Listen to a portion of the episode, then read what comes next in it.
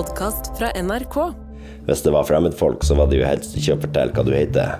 Og da skyter de rett ned i gummibåten. Noen sa at jeg burde få betongklosser rundt beina og senka på sjøen. Det her er en historie om hva som skjedde da Norge gjenopptok hvalfangsten på 90-tallet. Til sjokk og avsky fra omverdenen.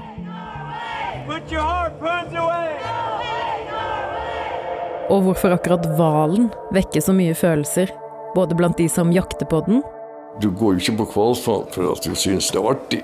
og de som vil beskytte den. Det var den eneste gangen i miljøkampen som jeg har følt at dette er krig. Når jeg ga beskjed til Pål Watson om at eh, nå vil vi skyte granat i baugen hans, eh, og ba han om å fjerne alle, alle mennesker, så så det ut som han eh, ga motsatt ordre der borte. Og da går det jo litt eh, noen tanker gjennom, eh, gjennom hodet på en som eh, sitter med fingeren på avtrykkeren.